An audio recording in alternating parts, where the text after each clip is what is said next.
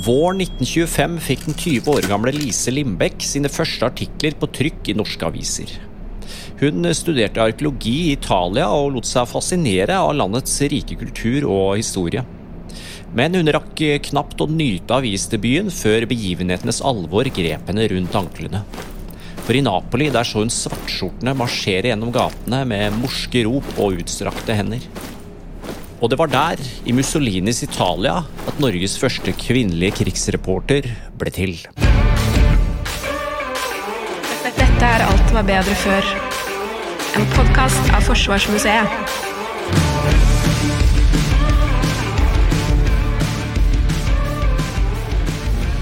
Hei og velkommen til en ny episode med Alt var bedre før. Jeg heter Anders Brenna, og dette er del én av vår fortelling om Norges første kvinnelige krigsreporter, Lise Lindbekk. Med meg i studio har jeg Sigrun Slapgard, som selv har vært utenriksreporter, og har skrevet bok om Lise Lindbekk. Yes, Sigrun Slapgard, velkommen til eh, Forsvarsmuseet. Takk. Første gang du er her, er det ikke? Det var første gang, ja. Ja, Fin utstilling og ja. Jeg skulle jo vært her før. ja det, det er jeg enig i. Eh, Du har jo selv vært eh, utenriksreporter for NRK, og vi skal jo da snakke om Norges første kvinnelige krigsreporter Lise Lindbekk. Hvordan kom du over historien om Lise? Hun var jo ganske litt glemt skikkelse før du begynte å nøste opp i, i Ja, trådene? eh, det var vel eh, kanskje litt slik at jeg sjøl måtte rapportere fra en del kriger før jeg virkelig henta henne fram igjen. Og eh, utgangspunktet var at jeg hadde studert i Spania tilbake i eh, tidlig studietid. Da er jeg jo så helt tilbake til årsskiftet 70-80-tallet. Da eh, dreiv jeg på med dokumentarisk litteratur fra Spania-krigen, som jeg var veldig opptatt av. Og oppdaga da Lise Lindbekk, og tenkte det var jo merkelig. Jeg har aldri hørt om henne. Og så var hun en sterk stemme, både i bøkene og i, det som jeg da etter hvert slo opp av avisoppslag. Og så um, gikk det mange år, men så plutselig så så, så, så var det vel òg tida var inne, og interesse for um, kvinner i historia, kvinner i krigshistorie. Og så fikk jeg et spørsmål eh, kunne ikke du hente fram noen. og så hørte jeg nesten sjøl at jeg sa ja, Lise Lindbekk burde hatt ei bok. Eh, Hvor uvanlig var det med kvinnelige journalister da på 20-tallet, når hun eh, skrev sine første artikler? Det var nok eh, relativt vanlig at såkalt, såkalt danna kvinner sendte reisebrev hjem. Men det uvanlige var vel kanskje at eh, ei kvinne hadde den teften som Lise hadde for å, å oppsøke det brennaktuelle og rapportere eh, på f.eks. da fascismens framvekst, som hun veldig tidlig gjorde. Og også denne evna til å plassere seg i begivenheten, begivenhetenes sentrum. Eh, eksempelet da med da Nobile skulle alliere seg med Amundsen og satse på luftskipet Norge. Hvem sto plutselig der og tilbydte seg som tolk for å få tilgang til kilden? Det var Lise Lindbekk, som allerede var flytende i italiensk og fikk et stort eh, førstesideoppslag da i Oslo Aftenavis. Eh, Og vips, så var hun på um, alles lepper og et kjent navn. Eh, Men det hun egentlig var ute etter, var jo å rapportere på det som skjedde da. Det var jo store ting på gang i Italia. Mussolini hadde tatt over to år tilbake. og Svartskjorter marsjerte, det var dramatiske ting. Det ble slått ned på um, ytringsfriheten. Hun ble vitne til henrettelser, og dette skrev hun um, sterkt om, da, både i svenske og norske aviser. Hva, gjorde hun i Italia så, så ung alder? Lise eh, tenkte at hun absolutt skulle ut i verden, og hun kom fra en familie der du absolutt skulle ha utdannelse. Så det var i, i utgangspunktet arkeologi hun skulle studere. Og, og det gjorde hun. Eh, men å, å lære språk var det andre.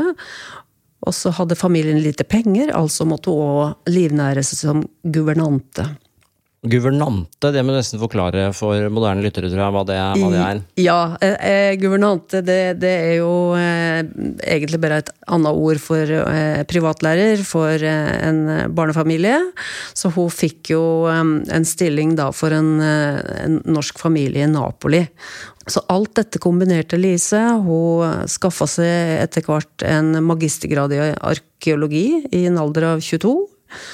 Eh, og det gikk i en rasende fart, eh, både med skriving og utdanning og reising etter hvert da i, i Europa. Så vi må, vi må, ta den saken, for det er spennende. Hun var i Italia, og da var det Roald Amundsen skulle altså samarbeide med en italiensk sånn luftskipskaper, Umberto Nobile, og de skulle fly over Nordpolen med den. Og da var Amundsen med norsk crew var nede i Italia, og de trengte en tolk. Og det var da Lise kom inn i bildet. Ja, da var Lise Lindbekk på pletten, og slik fikk hun tilgang til, til verdensbegivenheten, ikke sant. Og eh, ja, hun må ha hatt en egen energi, fordi det var jo ikke bare at hun eh, rapporterte og, og stilte sine tjenester da disponibelt for gutta med å tolke, men hun blei jo en eh, I dag ville også sagt cheerleader. Altså stilte seg i spissen for hele feiringa, løp oppover korsånd med norske flagget i spissen og og, og, kanskje er det eh, et lite symbol på den andre sida ved Lise Lindbekk, at hun eh, kasta seg inn i det som skjedde, på en veldig engasjert måte. Ja, Armlengdes avstand, det var eh, ord eh, Lise Lindbekk Nei, armlengdes avstand var ikke ja. hennes prinsipp. Og på den andre sida så, så, var jo det òg en veldig styrke ved, ved Lise Lindbekk, at hun fikk umiddelbar kontakt med folk. Hun eh, kunne snakke med alle, eh, og i og med at hun etter hvert ble så flytende i alle språk, så snakka hun like gjerne med høy som lav. Altså hun eh, hadde en egen evne til å knytte kontakt og bli, og ofte rommets midtpunkt. Ja, for hun snakka sånn syv språk eller sånn? Okay? Sju språk til sammen. Alle de store europeiske språka, pluss en god del russisk. Wow. Ja, fordi det, hun ble jo en Eh, litt sånn en slags maskot nede i Roma der. fordi når da nyheten nådde Roma at eh, Roald Amundsen og Umberto Nobel hadde gjennomført ekspedisjonen, flydd over Nordpolen, vært første mennesker over Nordpolen ever, eh, så gikk hun altså fremst i seierstoget og ble var maskoten til italieneren der. Men stemmer det at den, det toget havna på terrassen til Mussolini? Det kan vel eh, da dessverre hende. Ja. Og, og, det er jo òg litt sånn klassisk eh, Lise, at, at det, går, det, kan jo gå litt over stokk og stein med det hun eh, driver på med, men det tok jo ikke så veldig lang tid før eh, Lise skulle bli erklært uønskst av den samme Mussolini. Ja, men Møtte hun Mussolini? Ikke så vidt jeg veit. Nei, nei. Årene i Italia ble formative for Lise, også på det personlige plan. Via arkeologistudiene møtte hun en svensk herremann, hvorpå det raskt ble både giftermål og en datter. Men de politiske utviklingene de skremte Lise såpass at selv ikke småbarnstilværelsen stanset henne fra å skrive. Og hun ble en av de første til å advare om fascismens fremvekst i den norske offentligheten. Hun var, må ha vært en av de aller første. Og en grunn var jo at hun òg blei vitne til um, vilkårlige henrettelser. Um, at um, et trykkeri som hun var innom, uh, blei nekta å uh, trykke det de skrev. Altså, hun rapporterte på de fysiske utslaga av undertrykkelsen. Og, dette gjorde jo at hun sjøl havna på Mussolinis svarteliste. Ja. Og, og måtte, måtte, mer eller mindre flykte fra landet. Eh, eller fikk i hvert fall yrkesforbud, da, kan du si. Og interessant i denne sammenhengen er jo når hun da var etablert med Sandfrid eh, Neander Nilsson, som sjøl var en skribent for den svenske handels- og sjøfartstidene, så brukte jo han en, ofte mm, artikkelstoffet til Lise han kunne få det på trykk, men han utelot da gjerne det kritiske som sto der om Mussolini. For det viste seg ganske fort at han hadde større sympati for de fascistiske og nazistiske bevegelsene i Europa enn det Lise hadde. Ja, og Det er jo tragedien her at ganske kjapt, det var ikke lenge de var sammen, før eh, fascismen var i ferd med å splitte Europa i to, men det splitta jo også det ekteskapet i to, på sitt vis. Ja, og det er jo et eh, sterkt eh, utslag av hvordan konflikt slår inn i menneskers liv. Eh, og de valga da enkeltmennesket tar, det kan jo velte ditt eget lille liv. Men for Lise så tror jeg det sto veldig klart at eh, eh, det var umulig å, å kompromisse på, på, det mandatet hun følte at hun hadde om å rapportere. Da. Og eh, menneskerettigheter, ha, ha, noen politiske prinsipp, det har hun jo hatt med seg helt fra oppveksten. Ja, det var en hendelse særlig med det, det som er kalt skuddene i Trieste, hvor hun fikk uh, se ganske tidlig hvordan uh, den patriotiske nasjonalismen og de vel, mange, mange utsatte minoritetene som fantes i nesten alle land i, inn i Europa. Hvordan det krasja. Hva var det som skjedde i eh, Trieste? Altså da eh, hadde det jo nettopp vært eh, eh et, et, eh, en lokal demonstrasjon og som da blei møtt med stramme tiltak. Og, og folk blei rett og slett bare stilt opp og henretta. Uh, og da skrev hun den artikkelen som heter rett og slett 'Skuddene i Trieste'. Uh, jeg, tror vel det var et slags gjennomslag for forståelsen av hva, hva skjer egentlig med Mussolini uh, i Italia. Så hun Ja, det var jo sterkt for henne å oppleve det, men, eh, men, det å da få rapportert om det omtrent sånn I dag ville vi ha sagt på direkten. Det gjorde nok en stor forskjell for, eh, for Lises vei framover. Men da er vi i 1931-ish. Eh, Lise er 28 år gammel. Hun er nå skilt. Alenemor. Frilanser. Men da fikk hun seg altså en ny jobb, og da for en ny polfarer. Fridtjof Nansen, hva, hva, fikk hun i opp, oppdrag å gjøre der? det var jo et slags mellomstopp, men eh, det var jo veldig passende, for eh, det var jo folkeforbundspapirene til Fridtjof Nansen hun da ble satt til å ordne. Ja, for han var da død? Han var død, død og, og, og, Lise hadde jo engasjert seg i arbeid internasjonalt. Hun var jo et menneske som kunne mye av de der temaene, så hun gikk jo i gang med å Hun fikk jo et slags sorteringsarbeid da, og drev på med ei stund. Og rydde opp i papirene Rett og slett rydde opp. Og, ja. eh, og, og det førte jo til at hun òg fikk et veldig langvarig engasjement for hele eh, folkeforbundstankegangen. Noe som fortsatte seinere med, med, engasjementet for FN. Eh, igjen, hva slags plattform sto Lise Lindbekk på? Eh, dette med å arbeide for fred, det å være mot eh, diktatur, det å være mot eh, eh, terror mot e-, enkelte folkegrupper, det går jo som en rød tråd gjennom det Lise jobba med, og det hun engasjerte seg i. Sånn at eh, for henne, med et lite barn, så var jo oppdraget for Nansen velkomment. Men hun var jo, eh, hun var jo straks på vei ut igjen. Fridtjof Nansen tilbrakte sine siste år eh, som norsk superdiplomat og valfartet mellom samtlige europeiske hovedsteder. Og jakten på Nansens etterlatte papirer brakte Lise over hele Europa i polfarerens fotspor.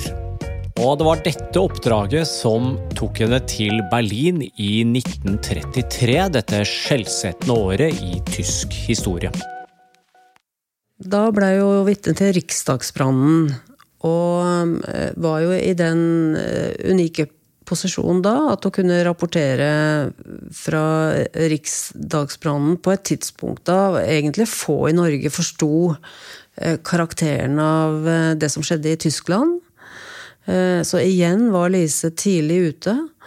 Og, og, og det var den, ei anna side ved det hun rapporterte om da, som skulle bli særdeles viktig, det var jo at hun var blant de første som um, skrev om jødenes skjebne under Hitler.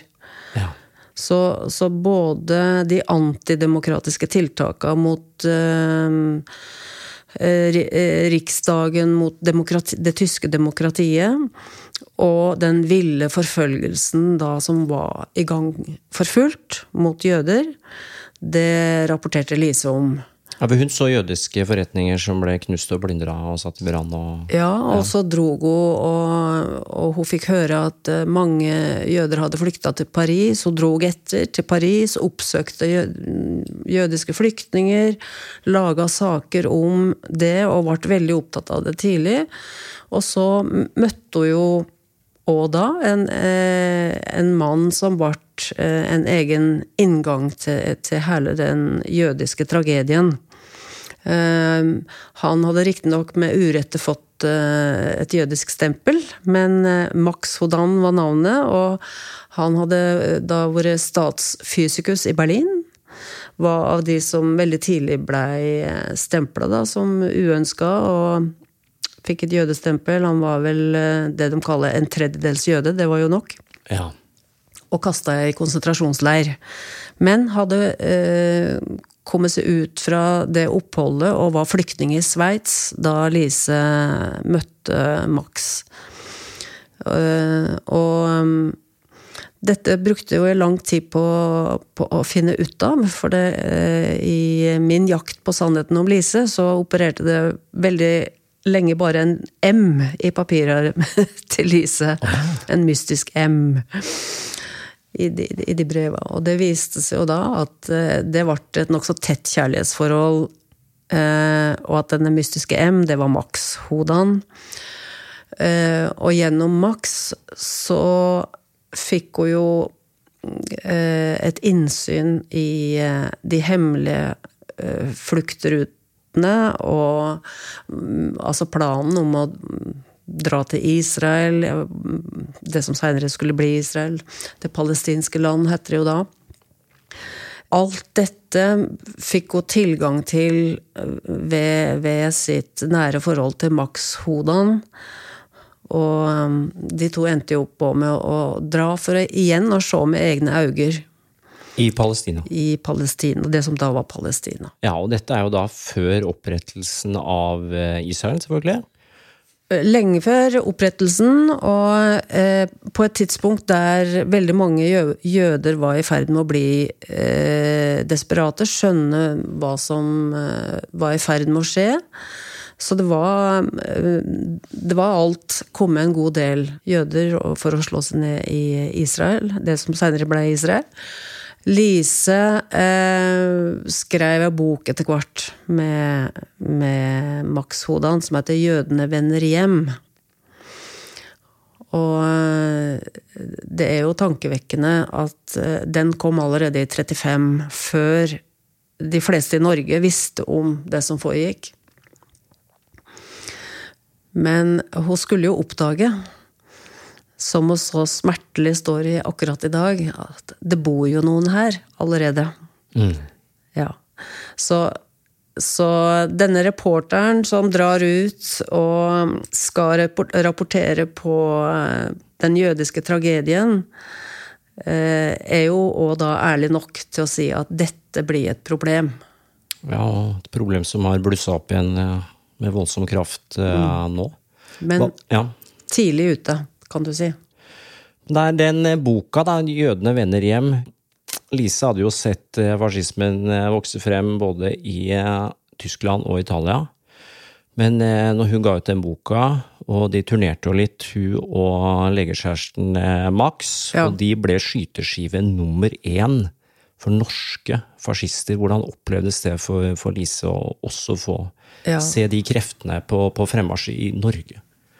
Jeg tror det er vanskelig å se helt for seg i dag eh, eh, hvor tøff den stemninga var på 30-tallet. At eh, så mange høyreorienterte, altså nesten fascistiske krefter mobiliserte på sånne slagord som nei til jødebolsjevisme, og de kobla ofte sammen det med uanstendig livsførsel, altså at jødene var, var sexister, var, var eh, umoralske mennesker. Det ble blanda sammen med bolsjevisme, forkastelige politiske holdninger. Så, så når Max Hodan òg ble eh, framstilt som sexolog, som han var i tillegg til å være statsfysikus, han var en samarbeidet i sin tid tett med Carl Evang, som var vår helsedirektør gjennom mange år. Ehm, så blei jo dette en kampanje mot både livsstil og det eh, Lise prøvde å advare mot, nemlig framvoksende fascisme.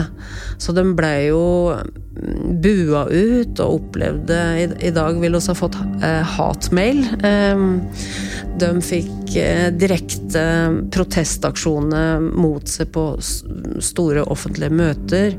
Dette var av NS, ikke sant? Det var en blanding, fordi temperaturen kunne òg være ganske høy i ærverdige aviser som Aftenposten. Så det er vanskelig, eh, tror jeg, helt å forestille seg hvor hardt det klimaet var. Og det er jo et faktum at det var veldig, veldig vanskelig å, å, å få Max eh, i det hele tatt inn i Norge. Eh, Der brukte vel eh, Lise helt sikkert sine gode Nansen-forbindelser, og det kom da òg på trykk i avisa, ikke sant. Eh, Lise Lindbøk bruker, utnytter sin eh, gode kontakter og får eh, jøden Max Hodan smuglet inn. Ja. Hvor, hvor sto Lise politisk på det tidspunktet? Var hun langt, langt ut på venstre, eller hvor, hvor sto hun? Ja, det, det har jo Jeg møtte jo tidlig påstander om at hun var medlem av eh, kommunistpartiet, og, og det jobba jeg hardt for å prøve å finne ut av. Eh, jeg har vel endt opp med å tenke at eh, Lise måtte ha vært altfor mye av en småborgerlig anarkist til å kunne vært medlem av eh, et parti i det hele tatt, kanskje. Eh, Men at hun hadde sympati for kommunistpartiet, spesielt i, i forbindelse med Spania-krigen, det er helt sikkert. Eh, Og så tror jeg, og når jeg har spurt etterretningsfolk som overvåka henne, så får jeg til svar at hun neppe var formelt medlem av kommunistpartiet, men at hun hun var opptatt av å ha kontakt og dialog med, med Moskva. Eh, langt ut i den kalde krigen. Slik at hun fikk jo et stempel, eh, kanskje, som, eh, som kommunist. Men jeg har til gode å finne dokumentasjon på at hun var eh, reelt medlem. Hun ble overvåka av ja, norske myndigheter eh, allerede på 30-tallet? Nei, hun blei overvåka eh, sannsynligvis etter Spania-krigen, og- men da var hun jo mest i utlandet, og i hvert fall da hun kom tilbake fra USA. Ha. Så dette er jo da etter Det er ikke tyskerne Vi snakker ikke at det, Vi snakker om norsk overvåkning. norsk overvåkning av henne. Er det en eh, mappe Men, eh, som fins? På henne? Nei, familien har fått eh, s- svar at eh, den mappen eh, nok ikke finnes. Men jeg veit jo, um, og jeg kan ikke oppgi kilde her, men jeg har snakka med sentrale kilder i etterretningen, så jeg veit at hun blei overvåka. Jeg har til og med snakka med en konkret mann som overvåka henne i Berlin på et tidspunkt, og som ble vitne til at Lise Lindbekk kasta tomme brennevinsflasker på den russiske ambassaden. så, så den historia tror jeg på. Ja. Men eh, så skulle jeg seinere tid finne ut at eh, britene, MI5, overvåka Lise på et tidspunkt. Og da var hun mistenkt for å være russisk spion. Men maken til luftig, luftig rapportering eh, det er det sjelden at jeg har sett eh, i, i arkivsammenheng. Ja. Så mye av det som sto om Lise, som vi fant i National Archives i London, det, det ligna jo på oppspinn. Men eh, det var sånn det var på den tida. Det var, det var eh, kort vei fra å være aktiv på venstresida til, til å bli eh, tett overvåka. På Forsvarsmuseet er det nå en spiller ny utstilling om krigen i Ukraina. Her kan dere se bilder tatt av Forsvarets forums pressefotografer. Og vi har også utstilt en rekke gjenstander som krigsreportere er avhengig av i felten. Dere finner oss på Ytre Akershus festning, nesten nede på Vippetangen. Ta turen innom. Tilbake til episoden. Men vi kan jo gå da til det som på godt og vondt ble de mest eh, formative årene for Lise, nemlig spanske borgerkrigen. Jeg eh, vil gi en kjapp bakgrunn på spanske borgerkrigen for de som er helt grønne på, på det. Ja, en viktig overskrift er overfallskrig. Nå, nå som vi er veldig opptatt av Ukraina og hva er egentlig en overfallskrig, så har det ofte gått i glemmeboka hva slags type um, angrep det var da det var en lovlig valgt regjering i Spania som blei overfalt av general Franco og hans, eh, hans styrker. Og det var jo i all hovedsak nasjonalstyrkene i Spania. Som hadde da hadde samla seg rundt general Franco, var kritiske til en venstrekoalisjon. Det var før kommunistene kom med i den venstrekoalisjonen. Men faktum er jo at det var en lovlig valgt regjering som blei angrepet da. Og det mest spesielle med krigen som oppsto, var jo da at så mange frivillige fra til sammen 52 land, tror jeg det var, alt i alt, meldte seg spontant eh, på den lovlig valgte regjeringas side. Og det var jo litt av en gjeng som kom der sammen. Mange hadde altså null i våpentrening. Reiste kun på engasjement. Så mange gikk jo rett til frontlinja og blei eh, ja, kanonføde, eh, så å si. Så, så, det var jo en heftig krig, eh, med, med, stor innsats eh, altså fra folk som overhodet ikke hadde militærtrening. Og på den andre sida eh, Franco, som raskt fikk støtte fra Mussolini, fra Hitler, fra det siste siste og mest moderne av flyvåpen. Og mm, ja Masse italienske soldater etter hvert. Eh, hvorfor var det så viktig for Lise å dra inn i dette? Fordi dette er vel første gang hun går inn i en aktiv krigssone? Ja, på, på, den måten er det, er det absolutt det. Og um, jeg fant et brev plutselig der Lise skriver uh, og skal for, forsvare at hun drar til fronten overfor mora, som må ta ansvaret for den lille dattera, og da skriver hun Stopper vi ikke fascistene i Spania, så står de snart på vår egen trapp. Og da jeg fant det brevet, så, så fikk jeg altså gåsehud. Wow. For du, ja. du, kan liksom sitte og, og, og Sitte med en slags fasit, men hva kunne Lise vite?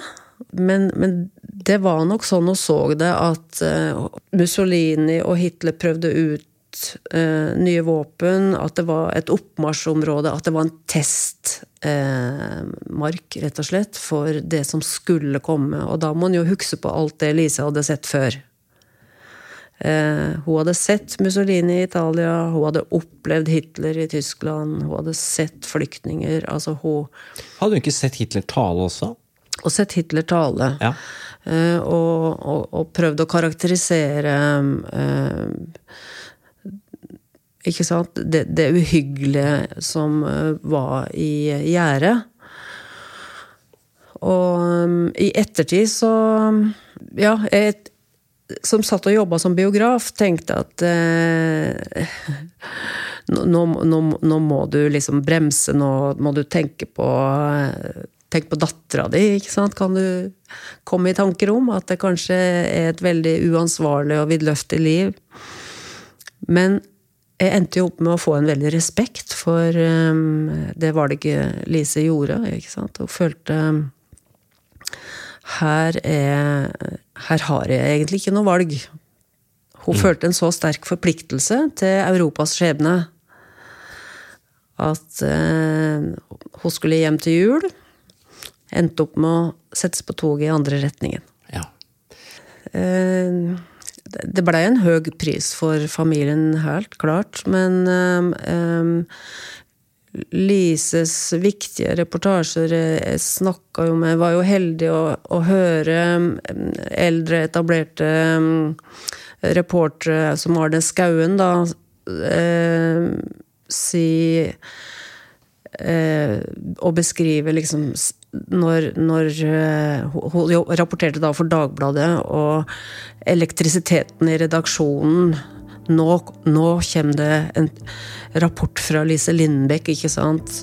Og omtrent direkte fra telefonen, fra, fra fronten. Og Lise som da nærmest hadde løpt gjennom bomberegn for å nå til telegrafen. Eh, det klart det slo jo inn eh, veldig sterkt i i Norge og i opinionen. Så det var jo viktig, det hun gjorde. Ja, det var sånn de kommuniserte det, De sendte en hel artikkel per telegraf. Mm. Så, så, så, det eh, tikka inn, ikke sant? Ja. Med, med, med, rapport og Lises um, saker havna jo ofte på um, førstesida.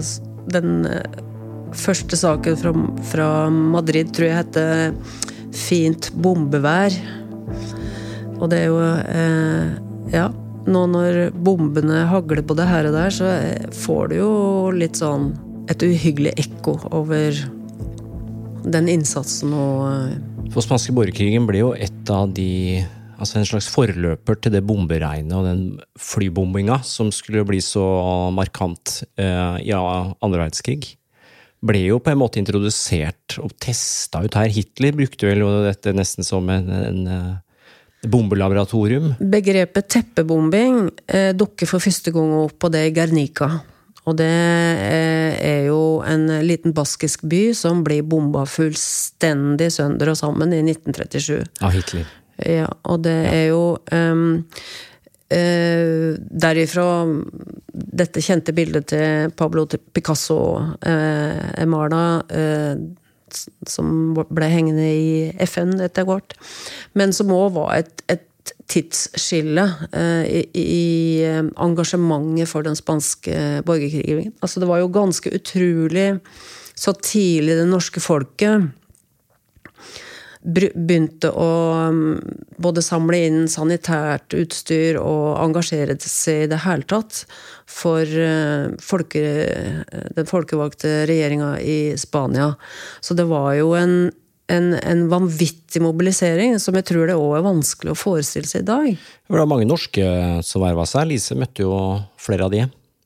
Og så møtte Lise da den ene nordmannen etter den andre, ja. Og da eh, var hun jo ofte ikke bare journalist, hun var et medmenneske. Og valgte jo å gå ut av rolla som journalist og, og både eh, ta seg av, formidle beskjed, og ikke minst sende brev hjem. Eh, gi beskjed til pårørende når eh, det var fallende.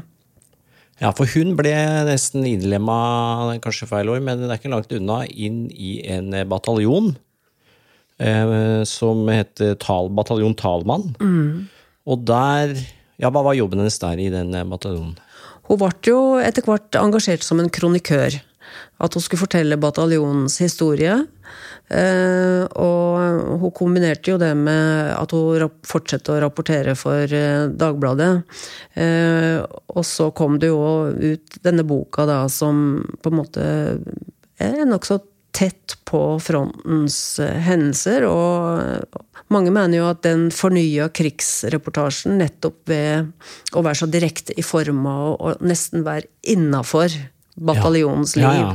Mm. Den heter jo da bare Bataljon Talmann, den boka. Den er utstilt her på museet. Bare reklamere litt for det. Ja. Eh, men hun fikk jo del kritikk for den boka. Nettopp av det at er dette journalistikk? Eller er hun deltakende? Nettopp. Og, og, denne manglende avstanden, denne manglende liksom litt å stille seg på sidelinja og kanskje å kommentere mer nøkternt, eh, som hun lar være å gjøre i en del sammenhenger, det, det, hun fikk blant annet etiketten 'krigsbegeistret'. Og det var jo det siste hun drømte om å være, for hun hadde jo allerede begynt å merke påkjenningen ved å være så mye ved fronten. Eh, sannsynligvis var hun allerede mm, delvis traumatisert. Sånn at hun, hun tok seg veldig veldig nær av eh, at hun hadde blitt lest på den måten. Og, og budskapet, slik hun tenkte det, var jo et helt annet. At hun virkelig skulle til avskrekking, til advarsel, fortelle hvordan det virkelig var. Mm. For tanken hennes var nå kommer det jo en større krig. Sant? At, at hun hadde jo en helt annen intensjon bak eh, den veldig tette frontrapporteringa. Ja, for når vi sier at hun satt ved fronten, så mener vi det bokstavelig. Altså, hun satt nedi utbomba vinkjellere ja. med skrivemaskin. Ja. Og, og, og, ikke bare det, ikke sant. For å, for å få levert eh, sine rapporter, så måtte hun risikere livet. Madrid var på det tidspunktet eh, det mest bombarderte um, byen i Spania. Eh, sånn at det var å løpe mens bombene falt, for å komme seg til telegrafbygget. Og, og, i hotellet der hun bodde, var det sandsekker foran vinduet, det skramla i vinduer, det var Ja.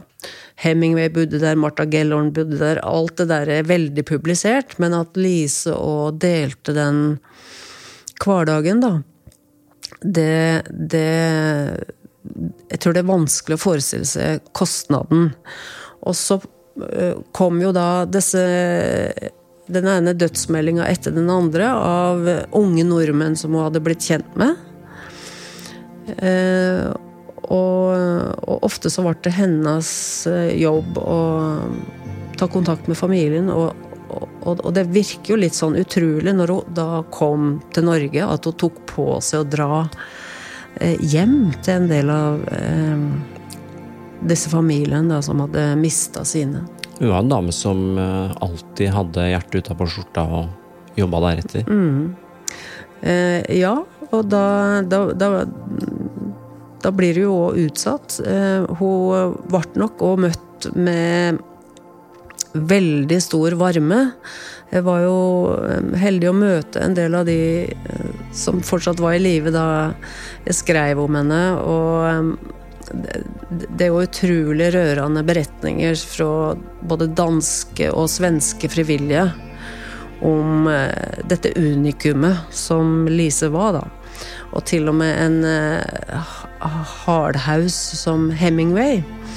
Uh, ble jo så begeistra for Lise Lindbekk at han eh, ga henne ei veske som det riktignok står Lisa på, men som var til Lise.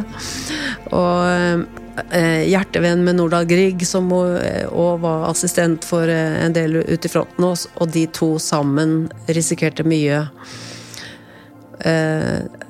For å finne ut den faktiske situasjonen ved fronten. Ja, det er jo en eh, veldig kjent story hvor eh, Nordahl Grieg, forfatter han også, og Lise Libekk kapra en tanks og kjørte inn i en italiensk by hvor det var usikkerhet eh, rundt hvem som egentlig hadde kontroll over den byen. Ja, det var byen Teruel som ligger oppe på en veldig sånn fjellknaus, altså et naturlig fort, på en måte.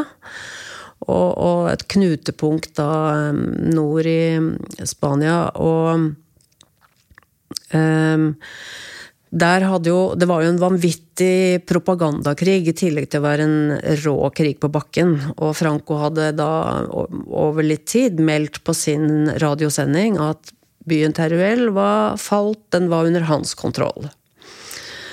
Og eh, Lises meldinger tyda på det motsatte, men det kunne jo på ingen måte Og, og Aftenposten her i Norge hadde alt trykka den meldinga at eh, Franco hadde nå kontroll over Teruel. Men Lise og Nordahl Grieg bestemte seg da at den eneste måten å liksom ha tyngde bak eh, noen motmeldinger, det var å rapportere fra innsida.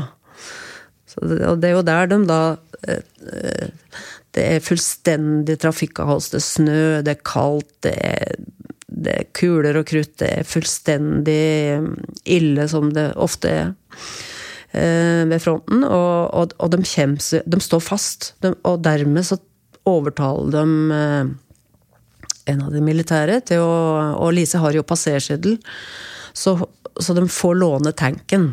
Eh, og brase da inn i Teruel, og kan triumferende rapportere at nei, den er fortsatt på regjeringens eh, hender.